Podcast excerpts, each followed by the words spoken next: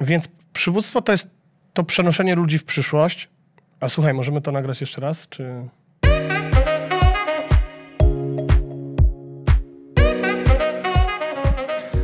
Że tak powiem, poszło, zapis poszedł już. Cześć Radek, witam cię serdecznie. Cześć Sebastian, witam ponownie. No właśnie, ponownie Radek, serdecznie dziękuję za ponowne odwiedziny. Nie będę ukrywał, że twój, e, nasz pierwszy podcast e, to naprawdę był duży sukces. No, nazwisko zobowiązuje. to też prawda, ale e, patrzyłem też na statystyki, to jest jeden z najczęściej słuchanych podcastów, jakie miałem, a przecież on jest relatywnie krótko. Znaczy, dziękuję, ja sobie wrzuciłem taką misję społeczną yy, yy, na, na, na garb, że tak się wyrażę kolokwialnie. No ja bym chciał, żeby tym ludziom było lepiej w pracy, a to wszystko zależy od tego, ilu liderów będzie świadomych tego, E, czego ci pracownicy potrzebują i czego firma potrzebuje, bo to nie chodzi o to, żeby mm, się podlizywać i robić jakikolwiek kompromis, o czym dzisiaj prawdopodobnie będziemy rozmawiać, tylko że o tym, żeby przestać udawać, że się... Bo pamiętam chyba, już w tym naszym pierwszym odcinku ja użyłem takiego mojego mm, standardowego powiedzenia, że kiedy liderzy udają, że zarządzają, to pracownicy udają, że pracują. Nie? Fantastyczne. znaczy, ja to ogóle, nie, jeśli wiesz, ludzie, jeśli słuchaczu, słuchaczko, słuchasz nas, to pewnie zauważyłeś, że od jakiegoś czasu właśnie przytaczam e, twoje spostrzeżenie, że mhm. ludzie improwizują w pracy, liderzy improwizują w pracy lepiej lub gorzej. Także to jest bardzo fajne spostrzeżenie. Sam miał o tę refleksję, ile ja robię improwizacji, ile jeszcze nie wiem, ale też nie będę ukrywał, że wszystkie te podcasty, które udało mi się z wami nagrać, a te gości miałem naprawdę bardzo fajnych i bardzo mądrych, to spowodowało to, że ja się czuję lepszym liderem, ale jeszcze więcej wiem, ile nie wiem. Także dzięki no, za to. No, no, ale zobacz, ty jesteś na takim stanowisku, masz taką mm, karierę, masz fajne CV, że w twoim przypadku mógłbyś przestać się uczyć od kogokolwiek, bo mogłoby ci się wydawać, że wszystko wiesz. No, jest takie powiedzenie, to chyba wiek zobowiązuje, nie jestem już taki młody, żeby wiedzieć wszystko. To prawda, tego nie znałem. To jest Super. to pierwsze. A dwa, yy, to jest pokora, to jest jedna z takich świetnych cech, w których yy, to ego y, jest wzmocnione otwarciem się na innych i na te, uzupełnieniem tej wiedzy. I też powiedziałeś o jednej rzeczy, o której wspominałem ostatnio, jedna z najważniejszych rzeczy lidera, przywódcy, menedżera, czy też człowieka jako, jako istoty, to jest y, zmuszenie siebie samego do robienia refleksji. Tak, tak jak y, w, w, w ostatni, przy ostatnim naszym spotkaniu mówiłem, że Maxwell mówi o tym, wychodź 15 minut później z pracy, żeby zastanowić się, przeprowadzić refleksję, jak dzisiaj przewodziłeś, czy też y, zarządzałeś, tak? No to prawda, to jest bardzo mocne narzędzie, też zawsze zachęcamy do tego, żeby mieć taką chwilę zadumy, tak. do autorefleksji w dowolnym momencie. I to w różnych momentach, w różnych momentach również przychodzi. Pamiętam, że jeszcze kiedyś regularnie chodziłem na siłownię i biegałem na bieżni. Ogólnie nie biegam, bo nie lubię, ale na bieżni jakby jeszcze jest ok to e, tam miałem momenty największych olśnień, więc sport bardzo pomaga przy okazji, tak, e, tak naprawdę. I pamiętam, że miałem ilość pomysłów również, która generowała mi się w głowie po, podczas biegu, bo się dotle, dotleniłem. To też bardzo ważne, że zarządzanie energią własną, e, bo dość spora i właśnie te przemyślenia, co tego dnia się wydarzyło. I te takie, wiesz, jak masz trochę wyczulone jesteś na ludzi, to wiesz, na spotkaniu ktoś miał jakąś dziwną minę, ty to pominąłeś, i do tego wracasz, wiesz, ten, ta, ten obraz cię wraca w pewnym momencie i już czego spytać, o co chodzi. Ale dzisiaj właśnie mamy taki e, bardzo e, przyjemny temat, uh-huh. jednocześnie niełatwy. Nie, nie. To też nawiązuje do rozdziału twojej książki, rozdział numer 9. Tak. E, przywództwo, a zarządzanie. Uh-huh. Tak, to jest temat. A przy okazji e, wspominałeś, że miałeś bardzo dobry e, feedback, czy też dużo kontaktów po ostatnim podcaście. Znaczy tak, ja obiecałem na naszym ostatnim podcaście, że rozdam trzy książki, rozdałem chyba z 10. E, ale bardzo przemili, fantastyczni ludzie do mnie e, e, pisali. Jednemu człowiekowi nawet zapomniałem wysłać tej książki. Dzisiaj do mnie pisały, bardzo przepraszam, ona już dzisiaj wyjechała. No, taki zapominalski jestem, ale w sumie tych książek wyjechało z 10, no i ja zawsze chętnie, jak ktoś napisze, to podrzucę coś. Nie, nie sprzedaje się, to trzeba rozdać. Nie, nie sprzedaje się. Proszę cię, to jest bardzo dobre. Ja czytałem oczywiście e, niektóre fragmenty tej książki, naprawdę są bardzo fajne. No dziękuję. I bardzo takie edukacyjnie pomocne, więc za zachęcam. Oczywiście, wracając do refleksji, gdybym miał pisać tę książkę jeszcze raz, to bym napisał ją trochę inaczej. Co ciekawe, wczoraj rozmawiałem z jednym z klientów, powiedział mi, że na przykład Cialdini, swoją modelową, naj, najważniejszy tytuł, wywieranie wpływu na ludzi, nie, nie, pamiętam dokładnie, on ją aktualizuje co roku. No nowe case'y daje nowe y, sytuacje, to jest ciekawe, nie? To jest taki continuous improvement trochę. No, a dzisiaj tak, przywództwo i y, zarządzanie to jest drugi najbardziej nadinterpretowany y, temat w polskim biznesie, że tak się wyrażę.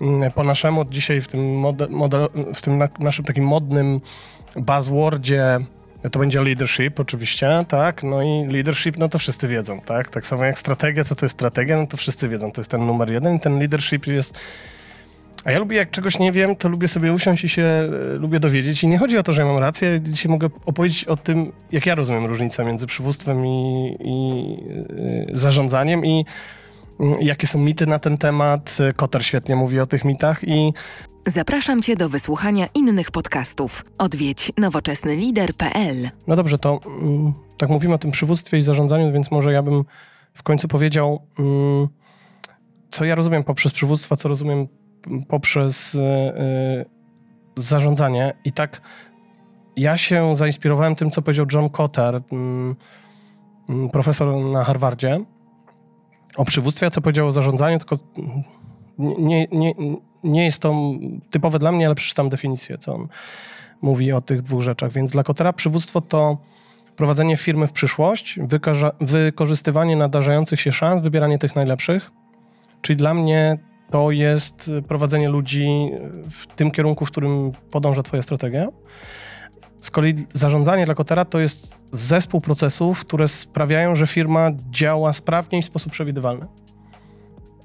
I co ciekawe, Koter mówi, że do takiego zespołu procesów wchodzi planowanie, budżetowanie, zatrudnianie ludzi, mierzenie wydajności, rozwiązywanie problemów yy, i tak dalej. Więc jak mówiłem na początku naszego dzisiejszego spotkania, że żeby być dobrym liderem, potrzebujesz i przywództwa, i zarządzania, e, w, i to na każdym poziomie w y, organizacji. To dlatego, że przywództwa to jest.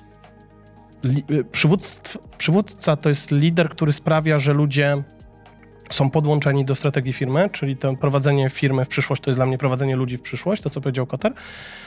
A zarządzanie to jest to, co robimy na co dzień, więc moje definicje przywództwa i zarządzania są takie, że przywództwo to umiejętność podłączenia ludzi i procesów do strategii firmy, czyli do tego, co cię prowadzi do przyszłości, jak porównamy z y, Koterem, a zarządzanie to jest sposób pracy lidera na co dzień.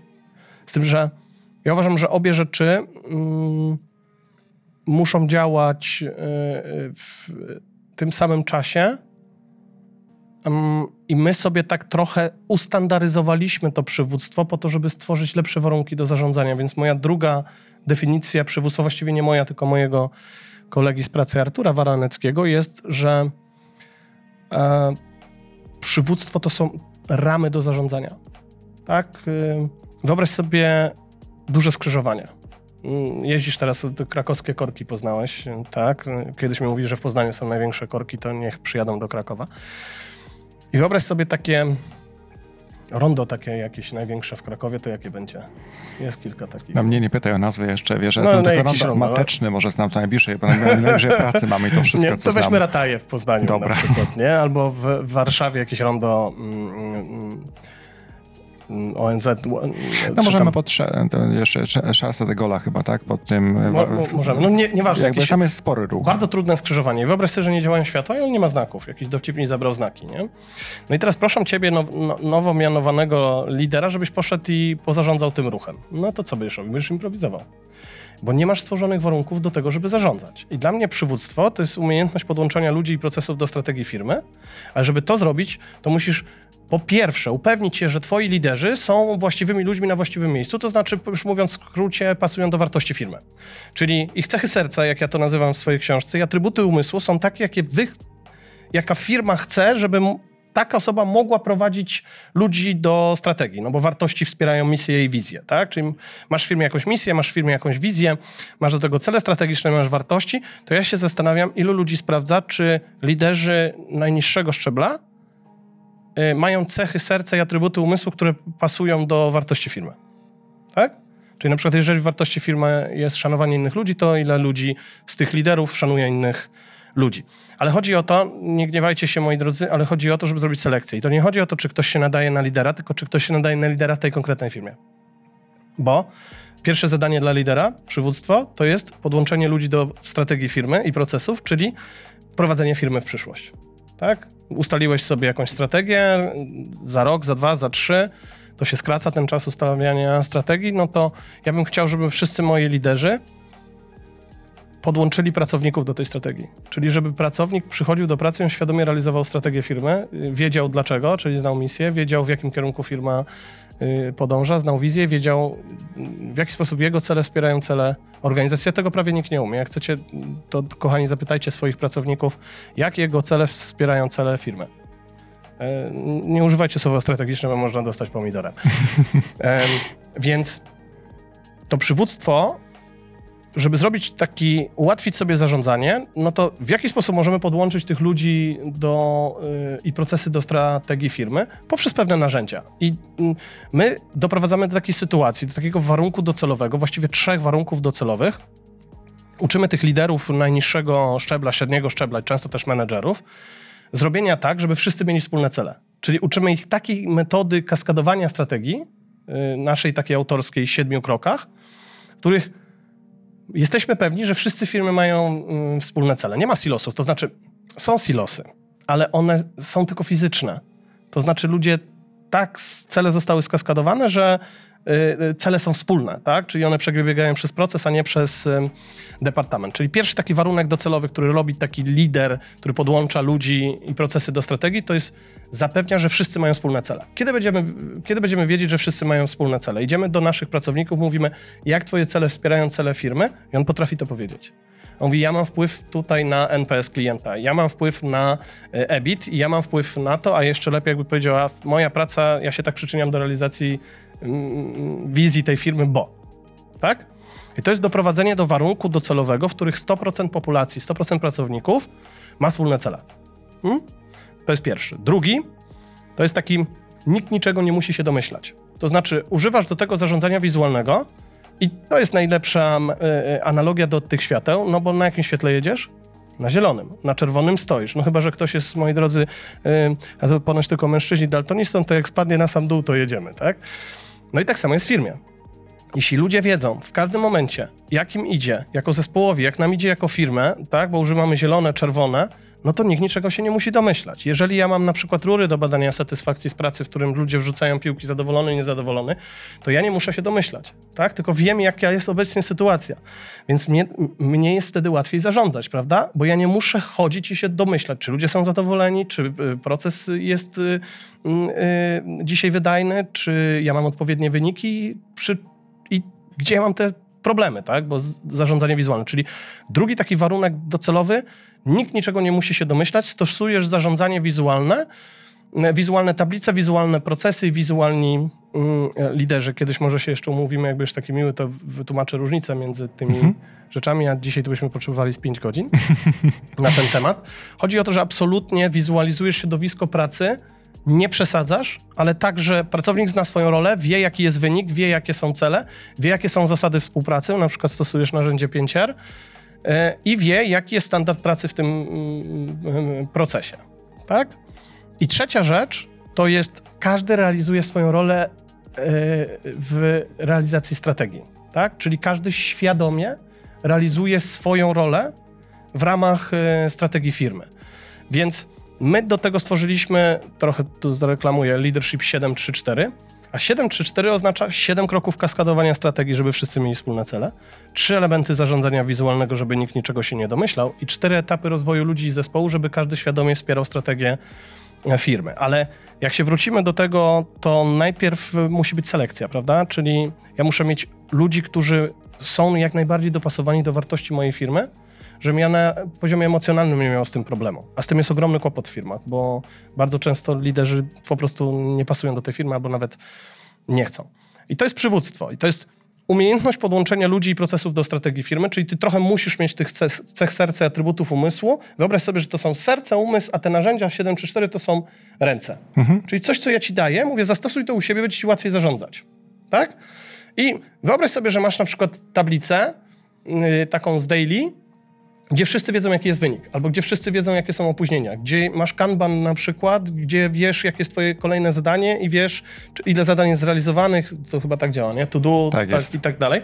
I nikt niczego się nie musi domyślać. To jest dlatego takie popularne, bo nam po prostu ułatwia to wszystko. Czyli zapaliłeś sobie światła, postawiłeś sobie znaki, możesz zabrać policjanta. Jest tak? pewnie komunikacji również, prawda? Tak. Y, komunikacji, w której nikt niczego się nie musi domyśleć. Dokładnie. Ja wiem, że to brzmi dziwnie, ale my mamy naprawdę fioła. Pamiętam, jak w takiej firmie farmaceutycznej zrobiliśmy tablicę do odpraw pracowników dla laboratorium. I słuchaj, codziennie po zmianach na tej tablicy, jak ją robiliśmy, braliśmy y, główną księgową, która miała na tej tablicy powiedzieć, ona tam nie pracowała w tym laboratorium, mhm. co ona tutaj widzi. I ona po prostu za każdym razem, jak przyszła, ta szefowa tego laboratorium była wściekła. Bo za każdym ona mówi, no, no ja już widzę, jakie macie cele, widzę, które są zrealizowane, a które nie, bo my stosujemy taki system zielone-czerwone, mhm. ale nie wiem, kto prowadzi board meeting. No to musiała nakleić tutaj imię i nazwisko osoby, która jest odpowiedzialna za board meetingi. I to było komiczne, bo to trwało ponad miesiąc. Aż tam ta księgowa przyszła i powiedziała, ja wszystko wiem. Co ciekawe, ją to zainspirowało do zrobienia własnych ty, mhm. y, tablic. I, I to się mówi ja, mam troszkę obsesję na tym punkcie, ale mnie, mnie uczono, ja pracowałem dużo z Japończykami i moim takim głównym mentorem jest Klaus Petersen, to jest taki Duńczyk, który mi powiedział, ale doprowadź do sytuacji, w której naprawdę nikt niczego się nie domyśla. I to znaczy third party person, tak? czyli osoba, która nigdy nie była w twojej firmie, w ciągu trzech minut potrafi odpowiedzieć na pytanie, jaki jest wynik, jaki jest cel i tak dalej. To jest niesamowite.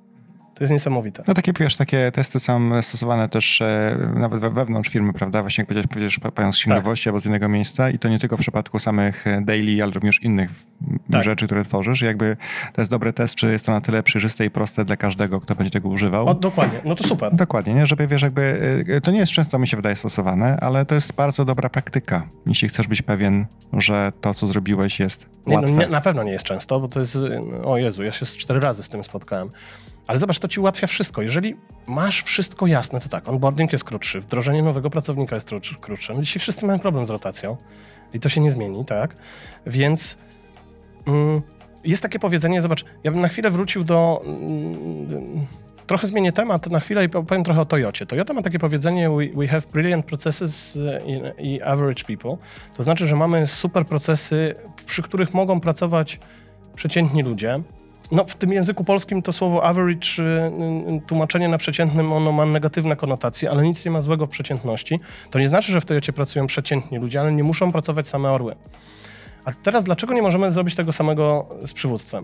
Jeżeli ja sobie ustandaryzuję środowisko pracy, ja właśnie to nazywam przywództwem. Przepraszam wszystkich wielkich y, z, z, mądrych książek, że przywództwo to charyzma. Nie, to jest umysł, serce, y, ręce, tak? Czyli mm, osoba, która ma bardzo dobre serducho do tej firmy, fajne atrybuty umysłu, czyli na przykład zapewnia kwestionowanie status quo y, w, organizacji. Ja mu daję narzędzia, w którym wszyscy mają wspólne cele, nikt niczego się nie musi domyślać i każdy rozumie swoją, rozumie gra rolę w realizacji mm, strategii, to ja wtedy mogę łatwiej zarządzać, prawda?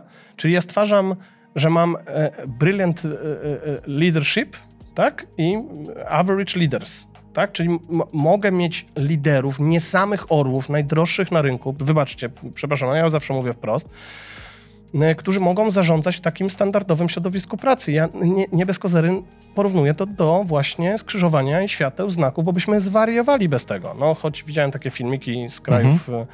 E, e, azjatyckich, gdzie tam, wiesz, jeżdżą, nie? I ponoć nigdy wypadku nie było e, w Mumbaiu czy gdzieś tam.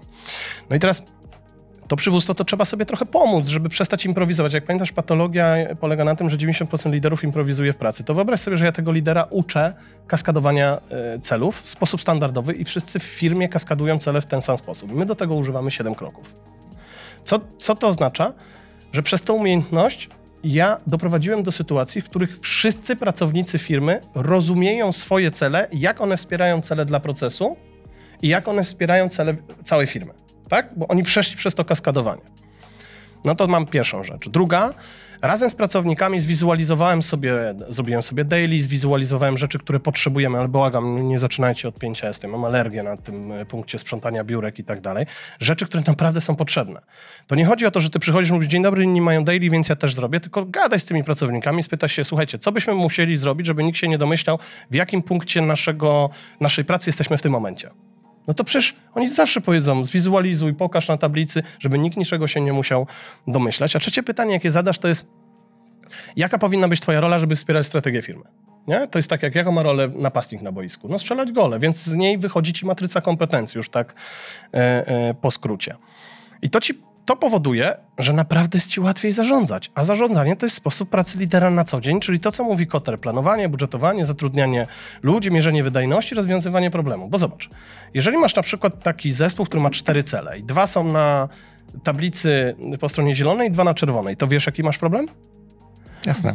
Nie, wiesz, nie. jaki masz wynik. Okay, okay. Na razie wiesz, jaki masz wynik. I teraz ty stosujesz sobie ten swój daily i mówisz tak, słuchajcie, tutaj mm, y, dwa cele są na zielono, dwa nam nie wyszły, to jakie były problemy? I zaczyna ci się problem solving, bo ludzie wspólnie zaczynają rozmawiać o, o, o problemach, tylko że ty umożliwiłeś sobie mm, danie impulsu pracownikom, żeby zobaczyli problem. A to jest najtrudniejsze. Jak pytasz, jaki problem, nie mam problemu, nie?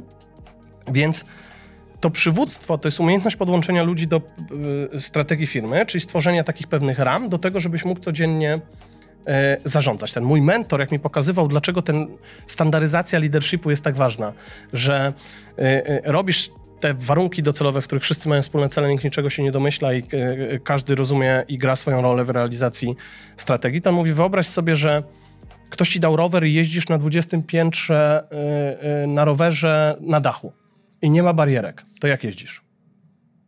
Ostrożnie. Podcastu możesz słuchać na platformach Google, iTunes czy też Spotify. No ja schodzę z roweru i go prowadzę, bo tak. mam trochę taki delikatny lęk wysokości. I teraz sobie wyobraź, że daję ci piękne dwumetrowe betonowe bariery, w których dałem ci yy, yy, możliwość jeżdżenia jak chcesz wykorzystywania różnych szans, robienie masy eksperymentów. Możesz jeździć na jednym kole, na drugim kole i non-stop się uczysz.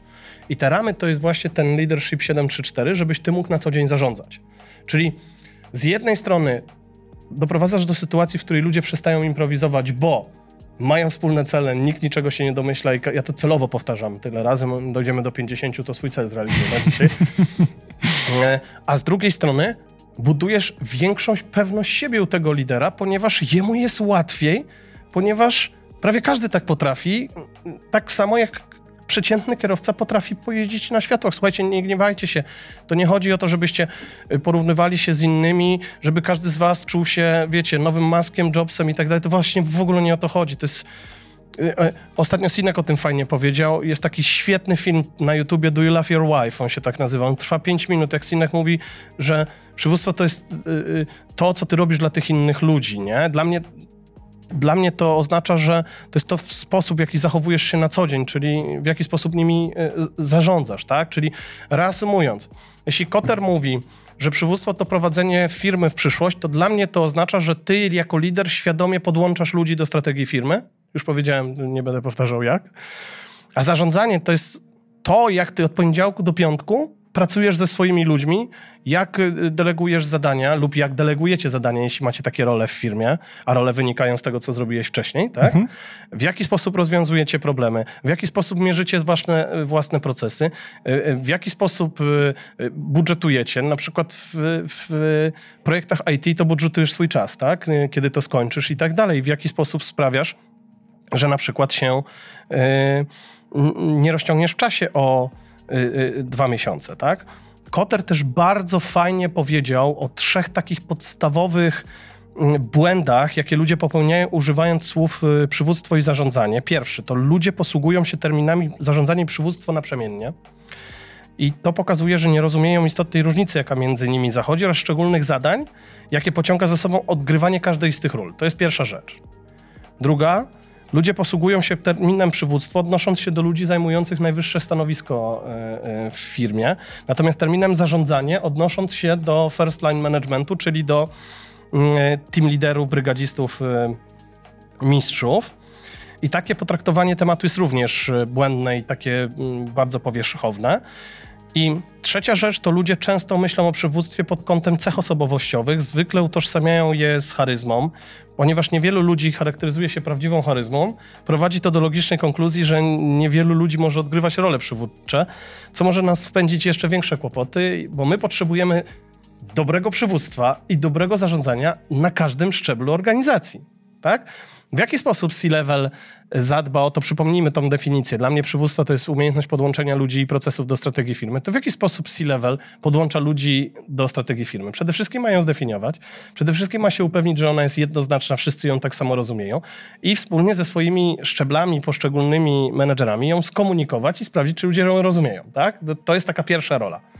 A co robi team leader, żeby podłączyć ludzi, yy, czy tam menedżer operacyjny? No, kaskaduje cele w taki sposób, że ludzie mają nie MBO, yy, że trzeba dowieść, wiecie, do HR-ów, z- przepraszam wszystkich HR-ów, czy Human Rescue, że trzeba koniecznie dowieść te e, cele, tylko te cele, one się nie biorą, przepraszam, znikąd. One zostały odpowiednio skaskadowane taki sposób, żeby pracownicy wspierali strategię firmy. Jeżeli masz na przykład w celach NPS-a, to tu możesz mieć e, on-time delivery, tak? E, Czyli w jaki sposób dostarczasz e, na czas, tak?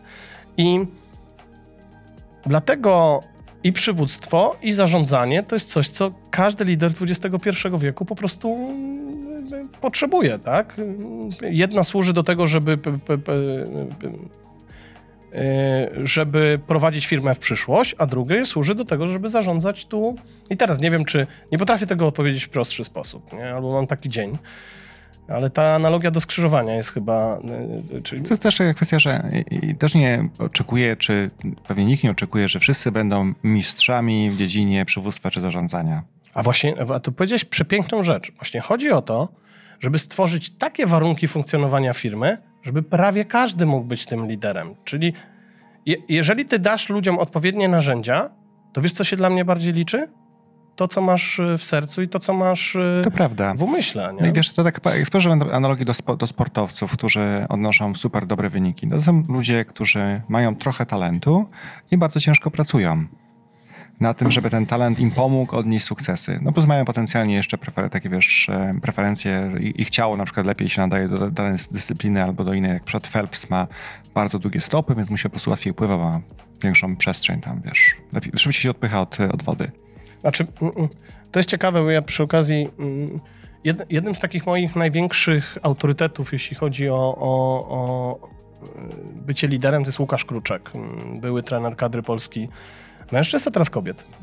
E, Co ciekawe, Łukasz wystąpił na naszej konferencji 19 listopada. To była tajemnica, ale już namówiłem go w się wydało. Proszę? Już się wydało, tak. Już się wydało, tak.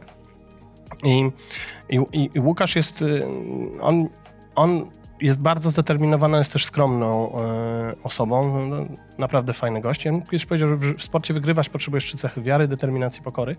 Czyli wiary w to, co robisz, determinacji, jak ja to mówię, kiedy ci nie idzie i pokory, kiedy ci idzie. Tak. I, i kiedy ci idzie, już wszedłeś na taki bardzo wysoki poziom y, i to charakteryzuje ludzi pokornych, że ty się nie przestajesz uczyć, że słuchasz, że je, jeden z najlepszych skoczków, ja już nie będę nazwiskami tutaj rzucał w kadrze mm, Polski, mm, co roku mówi sobie w ramach y, motywacyjnych y, sesji, jeszcze nigdy, nigdy w życiu nic nie wygrałeś. Tak, żeby się nastroić na y, jakieś Mhm. tam zdobywanie y, kolejnych rzeczy. I to determinuje jakiś tam mistrzów. Tylko wracając jeszcze do tego naszego tematu przywództwa i zarządzania, jest bardzo dużo mądrych książek na ten temat. Jest masa opracowań, że wiesz, dobry lider to buduje zespół, ale ludzie nie wiedzą jak. Dlatego ja mówię, pomóżmy tym liderom stworzyć takie środowisko pracy, w którym na przykład, zobacz, jak masz daily, dobre daily, nie? To możesz sprawdzić, e, w jaki sposób lider komunikuje się z zespołem? Oczywiście. Wystarczy pójść i poobserwować. A jak go nie masz, no to ja ostatnio pracowałem dla firmy i HR mi powiedziały, przyszły fa fa- fajne dziewczyny tam z, HR, z HR-ów, sa same kobiety były i one mówią, czy przez tą transformację lin moglibyśmy wspierać rozwój kompetencji liderów. Ja mówię, nie moglibyśmy, tylko musimy, bo to na tym się polega. Ja mówię, ale one mówią, ale mamy y, kompetencje mm, korporacyjne. Ja mówię, to pokażcie. I one to wyciągnęły takie, mm, troszeczkę były skonfundowane. Ja mówię, co się dzieje? Ona mówi, bo tych kompetencji jest 50. Ja mówię, to wy oceniacie team liderów na podstawie 50 cech? I wybrałem sobie takie trzy. I tam pierwsza było, y, y, pierwsza cecha była tak, lider komunikuje się w sposób bardzo dobry. Ja mówię, a wy to sprawdzacie? I jest koniec dyskusji. I wiesz, mniej więcej odpowiedź jest taka. blablabla. Na- To naprawdę tak wygląda, bo oni nie wiedzą, oni są przestraszeni. I wiesz, pamiętasz? Jeśli ludzie udają, że zarządzają, to ludzie udają, że pracują. Na końcu dnia starają się, żeby wszyscy mieli najwyższą cenę, bo za to jest bonus. I ja nie zgadzam się na taki bullshit, wy- wybaczcie. Tylko chodzi o to, ja mówię do nich, zob- zobaczcie, jak już macie te korporacyjne rzeczy, no to weźcie sobie komunikację, tam była umiejętność rozwiązywania problemów i empowerment, czy coś takiego. Ja mówię, to idźcie sobie na ten board meeting, żeby nie było, że board meeting rozwiązuje wszystkie problemy świata, nie? Ale idźcie sobie, zobaczcie, w jaki sposób on prowadzi ten board meeting. Czy zachęca ludzi do dyskusji, czy y, narzuca zmianę, czy y, y, uprawomacnia ludzi, bo tu mówimy o empowermencie, do rozwiązywania problemów, czy słucha i tak dalej. To masz możliwość, których możesz ocenić na polu bitwy takiego lidera, nie? I to jest Zobacz, jak ja mówiłem o przywództwie, to jak wieszasz tę tablicę, kaskadujesz te y, y, cele, sprawiasz, że nikt niczego się nie domyśla, to to jest przywództwo. A zarządzanie to jest ten daily codziennie. Poza tym jeszcze nie, nie, są pewne inne elementy. Jeżeli masz w pew- w pewien sposób podobne narzędzia, które używasz w firmie, to jakby budujesz jej kulturę też w oparciu, bo narzędzia propozorom pomagają budować też kulturę organizacyjną, budujesz wspólny język, jak ludzie się komunikują. I teraz, jeżeli ludzie często, jeśli masz taką organizację, które ludzie przechodzą z organizacji zespołu do zespołu, to oni się bardzo szybko asymulują do nowego zespołu, bo sposób, jaki on operuje, może być bardzo podobny. Nie taki sam, ale bardzo podobny. W związku z czym ten język, właśnie taki, wiesz, wizualny i narzędziowy, jest podobny. Ale to powiedziałeś genialną rzecz, naprawdę, naprawdę nazwisko zobowiązuje. My pracowaliśmy, i to jest żadna tajemnica, bo ja w swojej książce, ja, ja mam obsesję na tym punkcie, żeby mówi, pokazywać praktyczne rzeczy i mm, ja pisałem tę książkę 3 lata, z czego pół roku zajęło mi autoryzacja zdjęć. I w tej książce jest chyba z 50 zdjęć, jest album, nie, nie wiem czy widziałeś, i tam są przykłady tych rzeczy. I Jest świetny przykład z Infosysu, który do, do przywództwa zrobił sobie Cognitive Center. To znaczy jest sala, gdzie mają wszystkie zasady takie standardowego środowiska e, pracy zwizualizowane i mają nawet QR-kody, na których są instrukcje, jak zrobić board meeting, na których są instrukcje, jak skaskadować cele, na którym są instrukcje, jak zbudować matrycę kompetencji dla pracowników. I to ma niesamowity wpływ na dwie rzeczy. Po pierwsze, na naukę liderów tego standardowego środowiska pracy, ale dwa, oni to bardzo fajnie wykorzystują do sprzedaży, bo oni tam klientów y, zapraszają i klienci widzą, że oni mają pewien standard, więc czują się bezpieczniej. To, to prawda. No, Tak? To masz rację. To też nie tylko klienci, ale też pewnie ludzie czują się bezpiecznie, a klienci jeszcze bardziej. Tak. A z ludźmi jest różnie, wie, wiesz. To jest też tak, że nikogo nie uszczęśliwisz na siłę. My, mm, przy tych też transformacjach masę błędów popełnianych, my też to robimy, my też masę tych błędów popełniamy. To dylemat jaki ja mam, to że firmy chcą szybko, a, to koszt, a to, na to potrzeba jest trochę czasu, w związku z tym To jest zmiana, Rad- Radek, wiesz, na zmianę możesz zrobić, um, zmianę możesz prze- prze- przemalać szybko pokój zielonego na żółty. To No, jest zmiana, która może być Okej. szybko, no ale zmiana kulturowa czy organizacyjna firmy, to jeśli ktoś myśli, że zrobi ją w miesiąc lub dwa, no to powodzenia. No to być może jest są wyjątkowe sytuacje, ale A propos pokory, to ja pamiętam, jak byłem kiedyś na debacie w e, Harvard Business Review. Ja miałem wtedy z 29 lat. Była taka pani, która powiedziała mi, czy ty, młody człowieku, wierzysz w to, że zmianę kultury organizacyjnej można zrobić w rok? Ja mówię, a ja zrobiłem tak, pff, parsknąłem, wiesz, taki, taki typowy gówniarz. Powiedziałem, oczywiście, że tak. Ona mówi, to jeszcze się tego nauczysz. I ja się nauczyłem. Taka zmiana kulturowa, organizacyjna, to jest, to nawet nie jest 5 lat. To jest, wiesz, żeby to zadziałało, to jest Em, Jak kiedyś zawiozłem klienta do naszego e, klienta do Danii, tam gdzie ten guru pracował, i oni mówią do niego: no, Macie fajną tablicę. U nas tablice są takie trochę inne, jeszcze nie działają. I on mówi: Ale wasze to są takie trochę zakurzone, ale aktualne. On mówi: Our boards, boards are five years old. Takim duńskim angielskim, wiesz. I i to chodzi o to, żeby ta pokora po- polega na tym, że ty to robisz, no stop robisz, no stop robisz. o bardzo fajnych rzeczach mówisz, bo, bo zobacz, jeszcze chciałem powiedzieć dzisiaj, z czym ci się kojarzy przywództwo. Moim zdaniem ostatnią rzeczą, z jaką może ci się skojarzyć przywództwo, to jest standard, prawda? Znaczy ja nie mówię o tobie, Znaczy, tylko... no, wiesz co, no, to prawda, to, to może się nie kojarzyć, ale to jest właśnie element, który powoduje to, że firma działa w jeden spójny sposób. Mhm. To może standard zamienimy na spójny. I wtedy ludzie może tak łatwiej to przyjmą. Albo świadomy, nie? Albo Ty- świadomy, dokładnie. Tylko wiesz, ja często dostaję taki zarzut, szczególnie od HR-ów, kiedy pokazujemy model przywództwa i pokazujemy te przykłady zdjęć, te kaskadowania, te zdjęcia, albo dokończę, bo wątek mi się pomylił. Y, y, niestety tak mam w głowie. I, w tej książce jest około 50 zdjęć, są mega, jest bardzo dużo przykładów na przykład kaskadowania, jak wygląda dla branży usługowej. Ja się starałem tam branżę dzielić, żeby nie było samej produkcji, zresztą produkcja jest tam z 30%. Y, I mm, te standardowe przywództwo no, polega na tym, żeby ci liderzy przestali improwizować w pracy. I ty, jak zadajesz pytanie takiemu liderowi, jak ty motywujesz ludzi, to on mówi, chodź ci pokażę. Tak? I mówi, zobacz, moi ludzie wiedzą, dlaczego ich cele są takie, jakie są, bo razem z nimi skaskadowałem. Moi ludzie wiedzą, jaki jest wynik i nad którym problemem teraz pracujemy, bo go widzisz tutaj. Tak?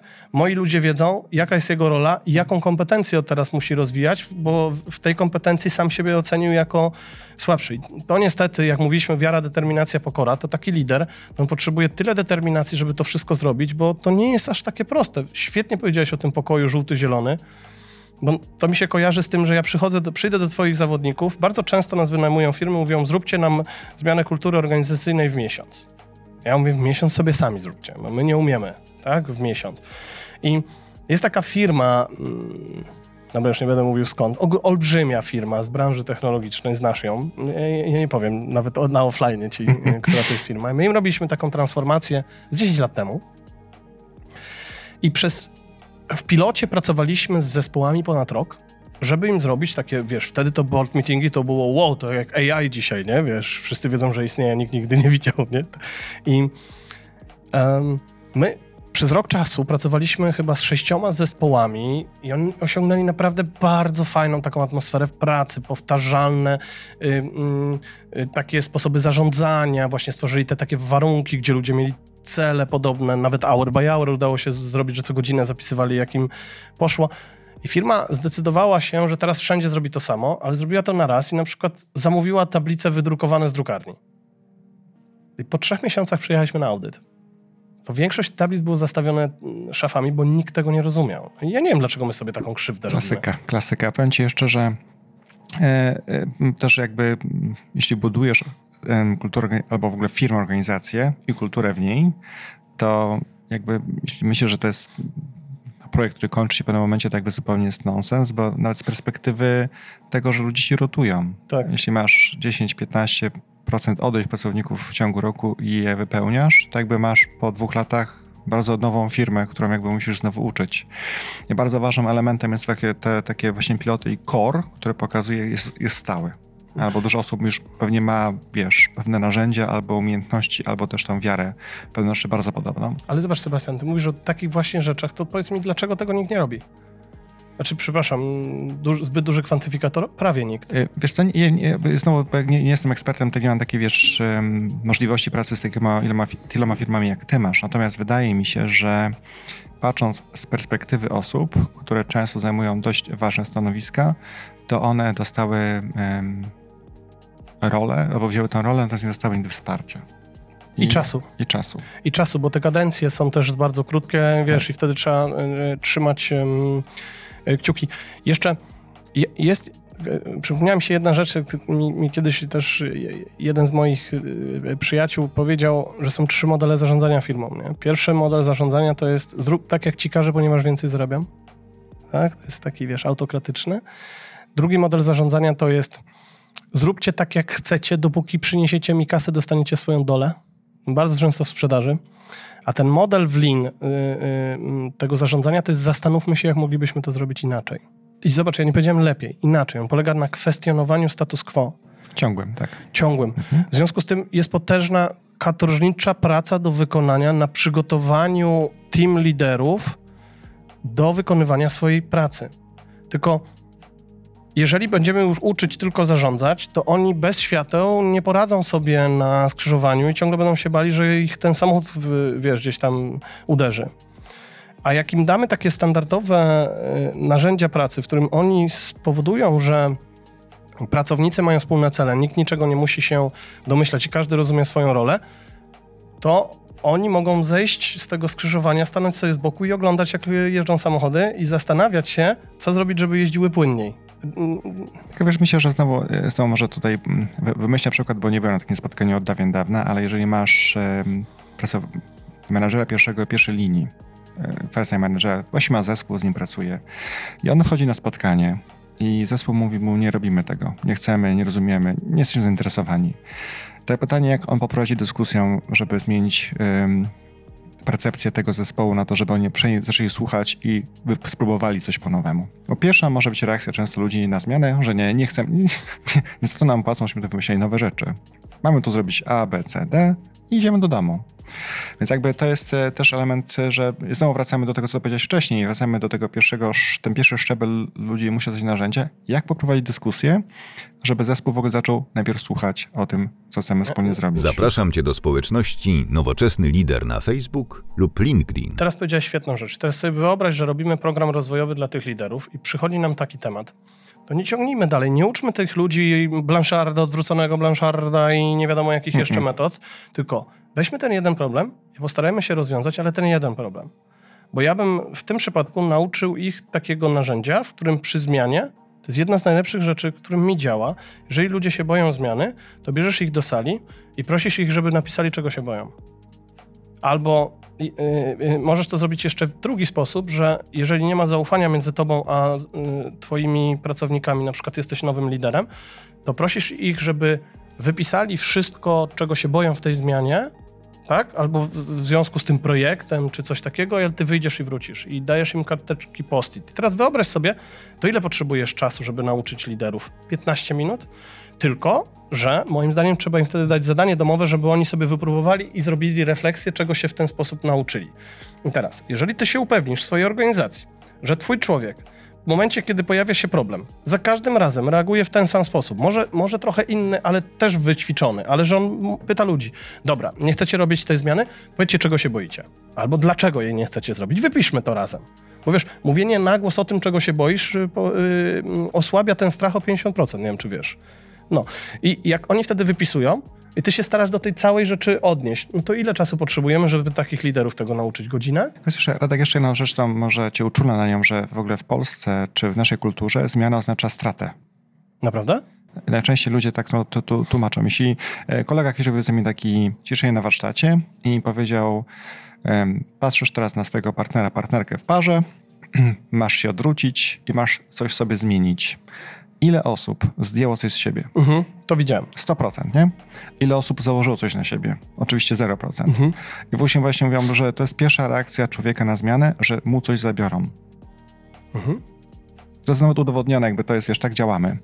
E, inne kultury może mają troszkę inaczej, natomiast nie, żadna kultura nie rozumie, że zmiana przez e, coś przynosi wszystko dobre i nowe. Jakby to nie jest 100% nigdzie, ale u nas jest to bardzo duży odsetek osób, które tak e, tłumaczą sobie A czy wiesz co? Zmiana. Nie rozmawiamy dzisiaj o zmianie. A ja uważam, że jednym z najlepszych sposobów, jak już jesteśmy przy tym temacie, zarządzania zmianą, my mamy w Krakowie takiego mega klienta, bardzo fajnych ludzi i my zauważyliśmy, jak oni się tego linu y, strasznie bali, więc my mówiliśmy do nich tak, słuchajcie, jest takie coś jak daily, nie? czy tam stand-up board meeting. Kto chce spróbować? I zawsze się ktoś zgłaszał.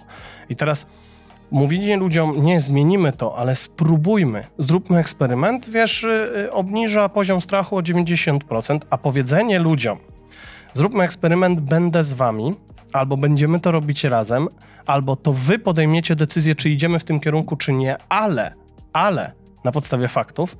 Dlatego ten cykl Deminga jest taki ważny. To ten, prawda. wiesz, zaplanuj, mhm. wypróbuj, wyciągnij wnioski, wdróż jako standard. Niech zespół podejmie decyzję, czy wdrażamy, ale na przykład proces robimy, wiesz, sobie testy A i testy B i wygrywa ten proces, który był na przykład najszybszy.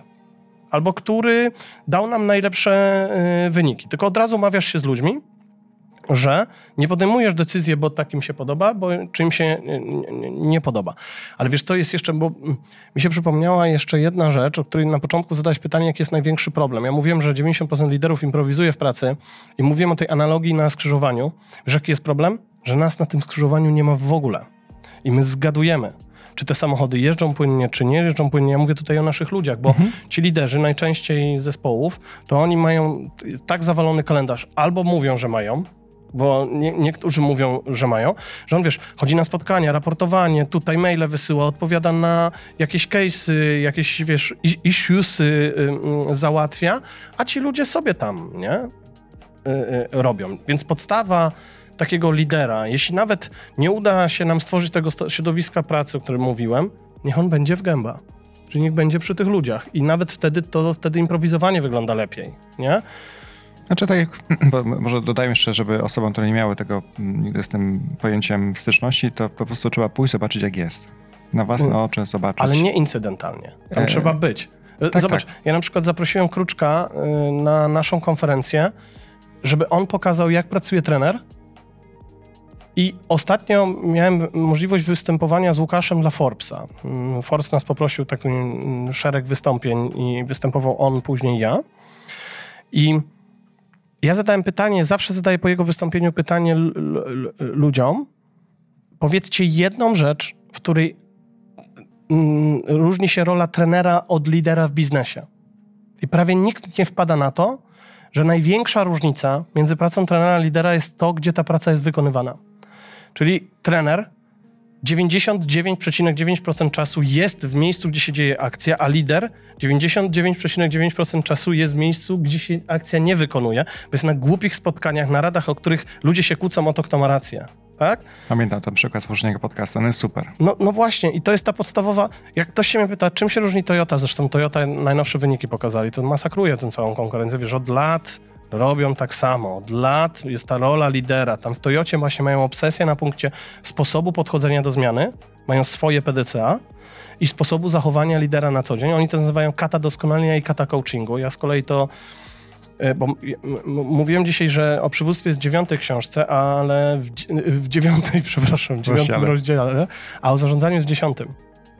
Czyli przywództwo, jak już sobie poradzisz, te tablice sobie wywiesisz, te cele skaskadujesz, te światła na krzy- skrzyżowanie y, postawisz, to od tego momentu zaczyna się zarządzanie i to jest, y, wiesz, do końca świata i o jeden dzień dłużej, czyli tam jest non-stop y, rozwiązywanie problemów, non-stop nowe eksperymenty, bo to się nigdy nie kończy, tylko tobie jest po prostu łatwiej. To prawda. Znaczy ja tylko chciałem powiedzieć, że y, z mojej perspektywy y, to umiejętność lidera, który został mianowany właśnie na szefa zespołu, czy on jest nowy, czy stary, czy jest, wiesz... Dokładnie. To jest już, e, czy przyszedł z zewnątrz, czy jest promocja z wewnątrz, to jest mniej istotne. Bardziej mi chodzi o to, że pociągnięcie ze sobą zespołu jest bardzo ważne, jak do niego komunikujesz pewne elementy, Mhm. jaki słów używasz. I tu podejdźmy przykład. Zmiana versus zainteresujmy, czy spróbujmy coś wspólnie zrobić, prawda? I to jest tylko słowo tak naprawdę, ale odnosi zupełnie inne skutki. I często mi się wydaje, to jest taka umiejętność, którą pewnie bym, od, od czego rozpocząłbym pewnie pracę z liderami. Dobra, dobra, ale teraz, y, jeśli mamy jeszcze chwilę, to, to zobacz. Ja bym się cofnął jeszcze z 56 tysięcy kroków wstecz i zadał pytanie, jaka jest rola lidera. Jeżeli ty mi powiesz, że w, w twojej firmie rolą lidera jest umiejętność przeprowadzania ludzi przez zmianę, to ja zadam wtedy pytanie, jakie on powinien mieć umiejętności, kompetencje, żeby to zrobić. A ty powiesz, powinien umieć zarządzać zmianą. Więc ja mówię, dobra, to weźmy twoich wszystkich liderów i oceńmy ich w skali od 1 do 5 razem z nimi, jak oni się czują w zarządzaniu zmianą. E, Zweryfikujmy to w gęba, zobaczmy w jaki sposób on prowadzi na przykład, mówiłeś teraz o zmianie, że w jaki sposób prowadzi takie spotkanie do zmiany, zweryfikujmy dla wybranych i zróbmy im program taki, nie roczny, miesięczny, tylko na przykład dwugodzinny, e, na którym pokażemy im jakąś jedną rzecz, bo ja wierzę w uczenie się jednej rzeczy na raz i niech oni to sobie wypróbują i niech powiedzą, czego się nauczyli. Tak wygląda rozwój ludzi. To jest super, to jest pragmatyczne, to jest y, sensowne, y, to jest potrzebne ludziom, to jest potrzebne organizacji. Ale to jest pod prąd. To te rzeczy, Tak? które są dzisiaj logiczne, o których my rozmawiamy, są pod prąd. Wiesz, jak się robi inaczej? Nie ma roli li- lidera, zamiast tego kupujemy szkolenia, na przykład zarządzanie czasem. My kupuj... Zobacz, my kupujemy dla naszych liderów szkolenia, a nie ma lepszego, mm, nie ma lepszej inspiracji do definiowania ról. To, to z tego na, mojego leadershipu 734 to jest ta czwórka. Zobacz, jak jest y, w, w sporcie. Interesujesz się jakimś szczególnym sportem zespołowym? No, y, nie. Jak się rozmawiam. golfem, więc to nie, nie, nie, nie, nie, jest- nie No, no, golf to nie będzie dobry przykład. Znaczy, ja nie będę się opowiadał na temat golfa, bo to jest tak, jak jest masa ekspertów na temat tego, czego w życiu nie robili. Ja nigdy nie grałem w golfa, trochę w minigolfa, gdzieś tam na wakacjach. Absolutnie nie jestem tym ekspertem, ale jak weźmiesz każdy sport zespołowy, który potrafimy sobie wyobrazić, siatkówkę, piłkę ręczną, koszykówkę, piłkę nożną, to jaka jest rola napastnika? Strzelać gola. I zobacz, to jest pierwsza rzecz. Bierzesz tym lidera, mówisz, jaka jest jego rola w firmie. I ty na przykład definiujesz, podłączać ludzi do strategii firmy. To powinien znać strategię? No powinien. No to ja sprawdzam, czy znają. Drugą rolę, którą upiszesz, na przykład umiejętność przeprowadzania ludzi przez zmianę, bo nasza firma polega na tym, że jedyna rzecz, która się nie zmienia, to to, że się ciągle coś zmienia. No dobra. No to jeżeli ja mam takiego Lewandowskiego, do którego ja mówię, jego, twoją rolą na boisku jest strzelać gole, okej, to co ty musisz umieć? No, przyspieszenie, przyjęcie piłki, uderzenie głową i tak dalej, i tak dalej, to, to jest analogiczne. To jeżeli twoją rolą jest w firmie zarządzać zmianą, tak? To ja się chciałem dowiedzieć, jakich ty umiejętności potrzebujesz, żeby tą zmianą zarządzać. No, może zaczniemy od tego, że powinieneś wiedzieć, że przy zmianie są cztery rzeczy, tak? Wyparcie, opór, próby, adaptacja.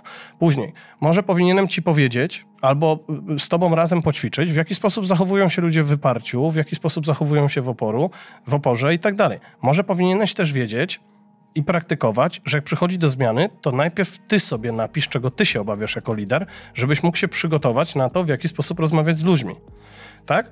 Tylko zobacz, ile to kosztuje czasu, determinacji, wiary i pokory. I jeszcze jest jedna rzecz, którą musisz dać prawo tym liderom nie wiedzieć.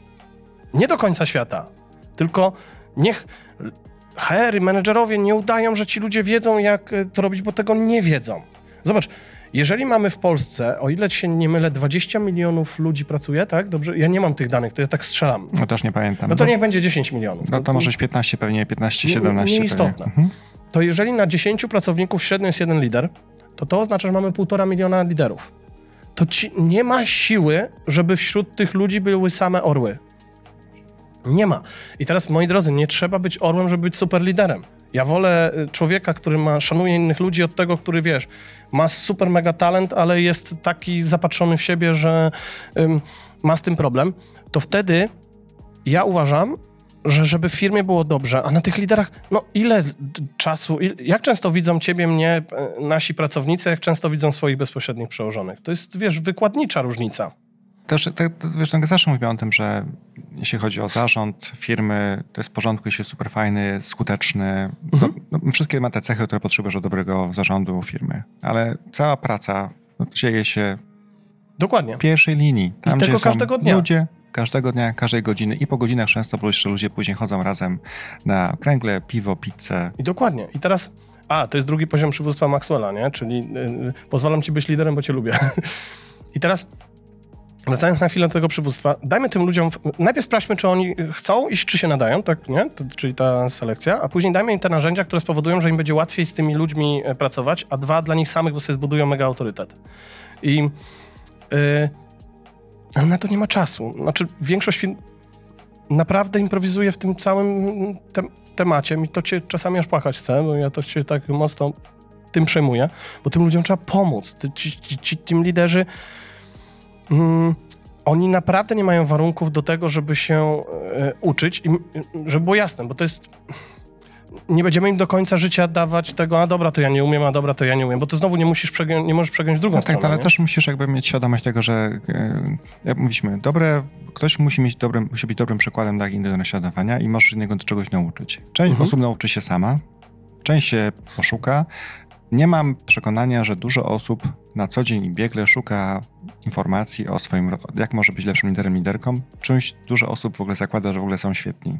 Tak naprawdę. Ale wiesz co, ja ostatnio robię, bo ja nie wierzę w szkolenia i nie wierzę, mm, to co robimy teraz, to może tylko zaimprowizować, to podam tylko taki przykład. I ostatnio pokazałem te 10 rzeczy, których ludzie oczekują od liderów z naszych badań i ostatnio o nich e, chyba mówiłem, nie wiem, nie pamiętam. No, że szanuje innych ludzi, stwarza możliwość o rozmawianiu problemów, y, o mówieniu o problemach i je rozwiązuje. I pokazałem to na takim warsztacie inspiracyjnym dla 50 team liderów jednego z naszych klientów. Ty wiesz, że większość z nich to sobie wydrukowała i powiesiła sobie nad swoim stanowiskiem, żeby o tym pamiętać. I to jest fajne. I to jest fajne. I to są proste rzeczy często, Radek. Dokładnie. To właśnie ja, ja myślę, żebyśmy tutaj, bo my też czasem w tych podcastach idziemy, no różne takie bardziej zaawansowane dyskusje, Ym, ale ja głęboko wierzę w to, że najpierw trzeba umieć chodzić, zanim zaczniesz biegać, bo przy jeździć na rowerze może być inaczej, ale przy bieganiu pewnie Nawet raczkować, chodzić. wiesz, jak się Tak. ludzie uczą chodzić, małe dzieci, to najpierw raczkują. I mi też absolutnie mam przekonania, wiesz, że ja jestem sprinterem czy maratończykiem. Cały czas mi się wydaje, że dobrze chodzę, jakoś w miarę pewnie stoję, jak trzeba podbiegnę do tramwaju, ale pewnie nie jestem maratończykiem, jeszcze dużo mi do tego brakuje. No dobra, ale pierwszy krok to jest. Musimy zdać sobie sprawę, że tak. Większość liderów improwizuje w pracy, ale z, na drugiej końcu tego kija jest to, że to nie jest ich wina. Zatrzymać się, zastanowić się, usiąść i zastanowić się, wypisać sobie 5-6 takich rzeczy, które charakteryzują rolę tego lidera. I co ja muszę zrobić, żeby większość liderów w mojej firmie mogła mieć stworzone warunki do tego, żeby tę rolę grać. Dokładnie. I tyle. I tu właśnie można sobie kropkę dzisiaj. Okej. Ale możemy jeszcze w przyszłości spotkać jeszcze o innych rzeczach. Mamy jeszcze bardzo fajne wyniki, które opublikowało jedna z portali, e, 10 takich em, obszarów, w których em, Google wierzy, że lider musi być sprawny, dlaczego są ważne. Po 10 latach badań, Mhm. więc zakładam, że są fajne. Możemy kiedyś o tym po prostu pogadać. Okej, okej, bardzo chętnie. Dobrze. Dziękuję, ci, Bardzo Radku, za, dziękuję Ci serdecznie Dziękuję za, za zaproszenie. za wizytę, miłego weekendu i do zobaczenia, usłyszenia. Wzajemnie, dziękuję. Zapraszam Cię do wysłuchania innych podcastów. Odwiedź nowoczesnylider.pl.